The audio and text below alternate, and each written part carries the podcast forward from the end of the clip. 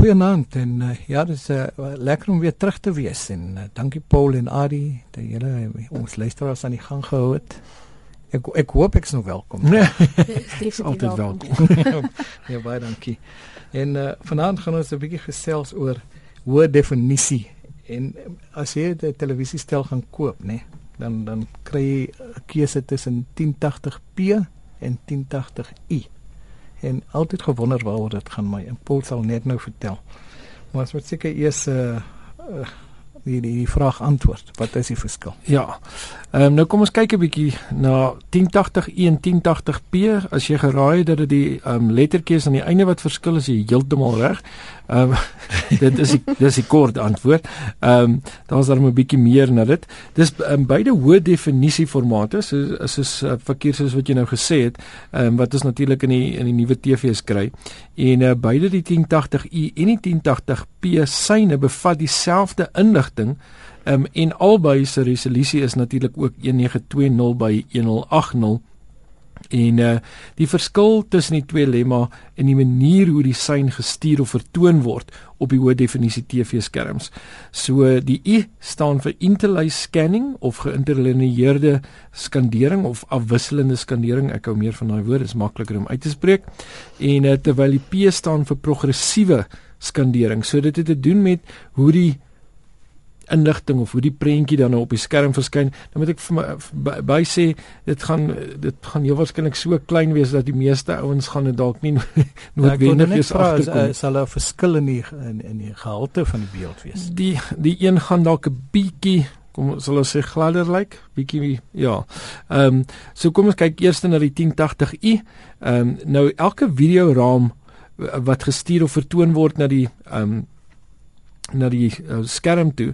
Ehm um, word dan nou saamgestel, die 1080 word saamgestel uit 540 rye ehm um, van pix, uh, pixels wat nou van bo na onder verskyn en uh, dan is daar nou weer onewe velde tussenin ook. So dit is daar's ewe velde en daar's onewe velde en uh, met die 1080i wissel dit dan. So hy gaan eers die ewe velde wys en dan gaan hy die onewe velde wys. So dit gebeur seker so vinnig hier. Dit gebeur ja, dis kom, ja, dis kom ek sê dit gebeur letterlik in 'n 30ste van 'n sekonde. Ja, dis vinnig. Ja, dis bietjie vinnig. Dit is dis bietjie vinnig. Ons het ons het 'n skerm nodig om dit stadiger te maak. dat was die verskil kan sien. Ehm um, maar ja, so die dis die dis die 1080i. Nou die 1080p Die enigste verskil is dat elke videoraam progressief gestuur word of vertoon word en dit beteken dat beide die en ewe ag die die en ewe die ewe en die onewe velde gelyktydig vertoon word. So dit gee vir jou dan dis die 80p wat 180p um, wat vir jou 'n gladder beeld gaan gee.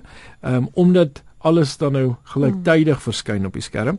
En um met jou 1080p het jy drie verskillende formate ook. Uh die jy die 1080p 60 wat letterlik beteken dat dieselfde raam twee keer in elke 30ste van 'n sekonde vertoon word. So die beeld moet nog duideliker wees. Ja, ja dit gaan amper nog meer uitstaan, ja. Dan jou 1080p 30 wat in 'n 30ste van 'n sekonde ver, vertoon, selfde maar as 'n as 'n i, behalwe dat dit nou net progressief so almal gelyktydig verskyn en dan die 1080p 24 wat dieselfde raam is uh 24ste van 'n sekonde um, en dis maar die standaard vir jou rolprente die raamtempo. Ehm um, jy kry mos natuurlik nou van die vinniger hoë definisie uh, films wat uh, wat dan nou teen 'n 30 of 'n 60 soos die, um, die Blu-ray en sulke goed. Ja, en baie van die wat is dit die National Geographics, daar's mos baie van daai films wat hulle so op uh, teen 60 ehm um, opneem. So jou 1080p ehm um, prosesering kan dan by die bron gedoen word. So jy kan dit op jou Blu-ray disk speler of jou HD DVD speler verander of dit kan gedoen word op jou HD TV. Ehm um, maar maak maar net seker dat jou TV wel ehm um, albei formate kan hanteer anders dan gaan jy dalk uh, Ja, ek het, ek het so 'n probleem ervaar 2 2 jaar terug met 'n DVD speler. En toe wil jy ja, ja, toe wil jy skerm nie saamwerk nie. Ja, dit is 'n bietjie moeilik om hom terug te stel. Nie so moeilik nie totdat jy die die, die vervaardiger bel en ja. sê druk hierdie twee knoppies saam op jou. Ja, en dan sal dit weg. Remote. Ja, leg wees, ja. Dis hy dis hy ongeskrewe inligting in ja. die, in die, in jou handboek.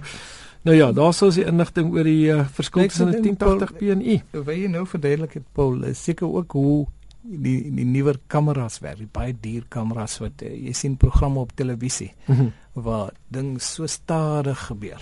Ja, wat jy mm, jy kan verskil ja, die mm. ek wil ja, deesdae ek wil jou duurder kameras definitief jou hoëspoed kameras kan jy dan nou baie vinniger ehm um, meer wel nie vinniger opneem net neem nog teen dieselfde spoed maar die dit neem die inligting so vinnig in dat jy dit baie stadiger kan maak kom ons ja. kom ons stel dit so jy kan sien hoe 'n ja. druppel water vinnig val oor ja. oor 'n hele minuut Ja, nee, daar was mos 'n hele paar sulke reekse ook op TV ja. wat nog baie interessant is.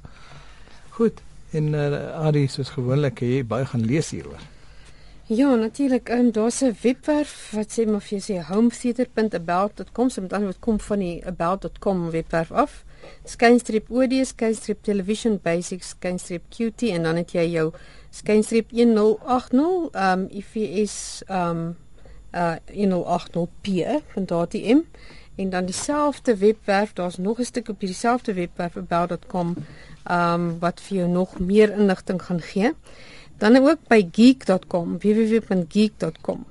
Ehm um, daar's ons ook 'n webwerf as jy na skynstreep dan jy HDTV koppelteken buyers koppelteken guide skynstreep resolution. Want baie van hierdie gaan maar tog daaroor dat mense moet weet hulle wil raad hê oor wat hulle eintlik nou moet aankoop. Mm -hmm. So dit gee maar net vir jou weer 'n keer die die goed wat Paul nou genoem het. Ja, ja, dit dit dit gee dit sê dit vir jou uiteen en dit sê vir jou, jy weet, dit en dit is beter en daai is miskien slegter.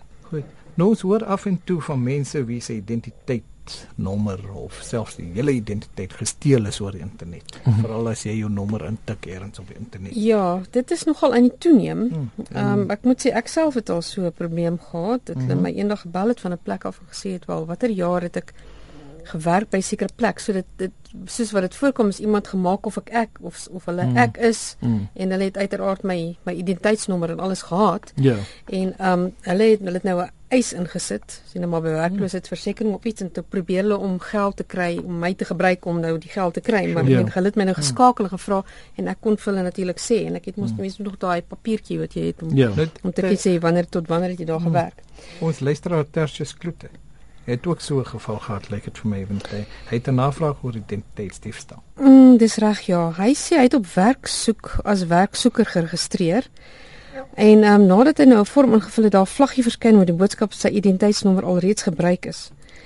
Nou as dit by 'n plek soos werk soek is, dan dink ek is die die die kans dat daar ehm um, ek moet sê dat dit 'n misdryf is, is dalk klein bietjie skraler. Want ehm um, hierdie is nog 'n plek waar jy gaan werk soek tens jy weet met ander woorde as jy 'n werksoeker is dit mag dalk wees dat 'n persoon dalk 'n tikfout gemaak het. Sien nou maar letters mm. om ehm um, syfertjies omgeruil het en dat dit lyk asof dit is. Maar indien dit en maak nie saak wat dit is nie jy moet altyd gewoonlik daai ehm um, goed eers gaan aanmeld by die webwerf self. So probeer 'n kontak uh probeer die webmeester kontak van daardie webwerf ja. om te sê asseblief ondersoek hierdie verder. So dit is net raad wat uh wat ons nou gedoen het. En dan indien dit wel identiteitsdiefstal is, dan um is daar 'n baie oulike webwerf wat ons in ons land het wat jy kan dit gaan beaanmeld en dis www.safps.org.za. So hierdie is die webwerf van die South African Fraud Prevention Service. So dis die dis waarvoor die SAP ag SAFPS natuurlik dan nou staan. Nou um, op hierdie webwerf kan jy byvoorbeeld ook 'n uh, telefoonnommer, as 'n telefoonnommer van hulle daar as jy dit wil aanmeld. En ehm um, hulle help veral met identiteitsdiefstal. So ook as jou identiteitsdokument gesteel is of verlore geraak het, dan kan jy dit daar gaan uh, oplees. So dan is daar ook artikels wat jy kan gelees by www.lucidliving.co.za en daar's ook ehm um, uh byvoorbeeld by compuscan.co.za is daar artikels wat beskikbaar is. En uh, miskien moet ons vinnig noem uh, wat Johan vir ons ingestuur het. Ja, Johan het 'n webwerf ingestuur. Hy sê inligting van gratis kursusse verskeie oorsiese instansies soos universiteite en die webwerf is www.coursera.org. Course Coursera eintlik. Dis course maar sonder die sonder dat daar twee e's nou is. Mm -hmm kurs.ra.org. Okay. Wel kry jy dit gerus by ons webwerf ook www.rsg.co.za onder uh, Chila tyd soek net vir die rekenaar rubriek en uh, al die inligting is daar. Net tyd vir 'n vraag is wat is 'n phablet. En nee, ek praat nie verkeerd nie. Wat is 'n phablet? Ons gesels volgende week daaroor. Phablet met 'n PH tot uh, aanstaande week van Verkeer Hassen. Paul Grobler En Adie van Rensburg. Goeienaand.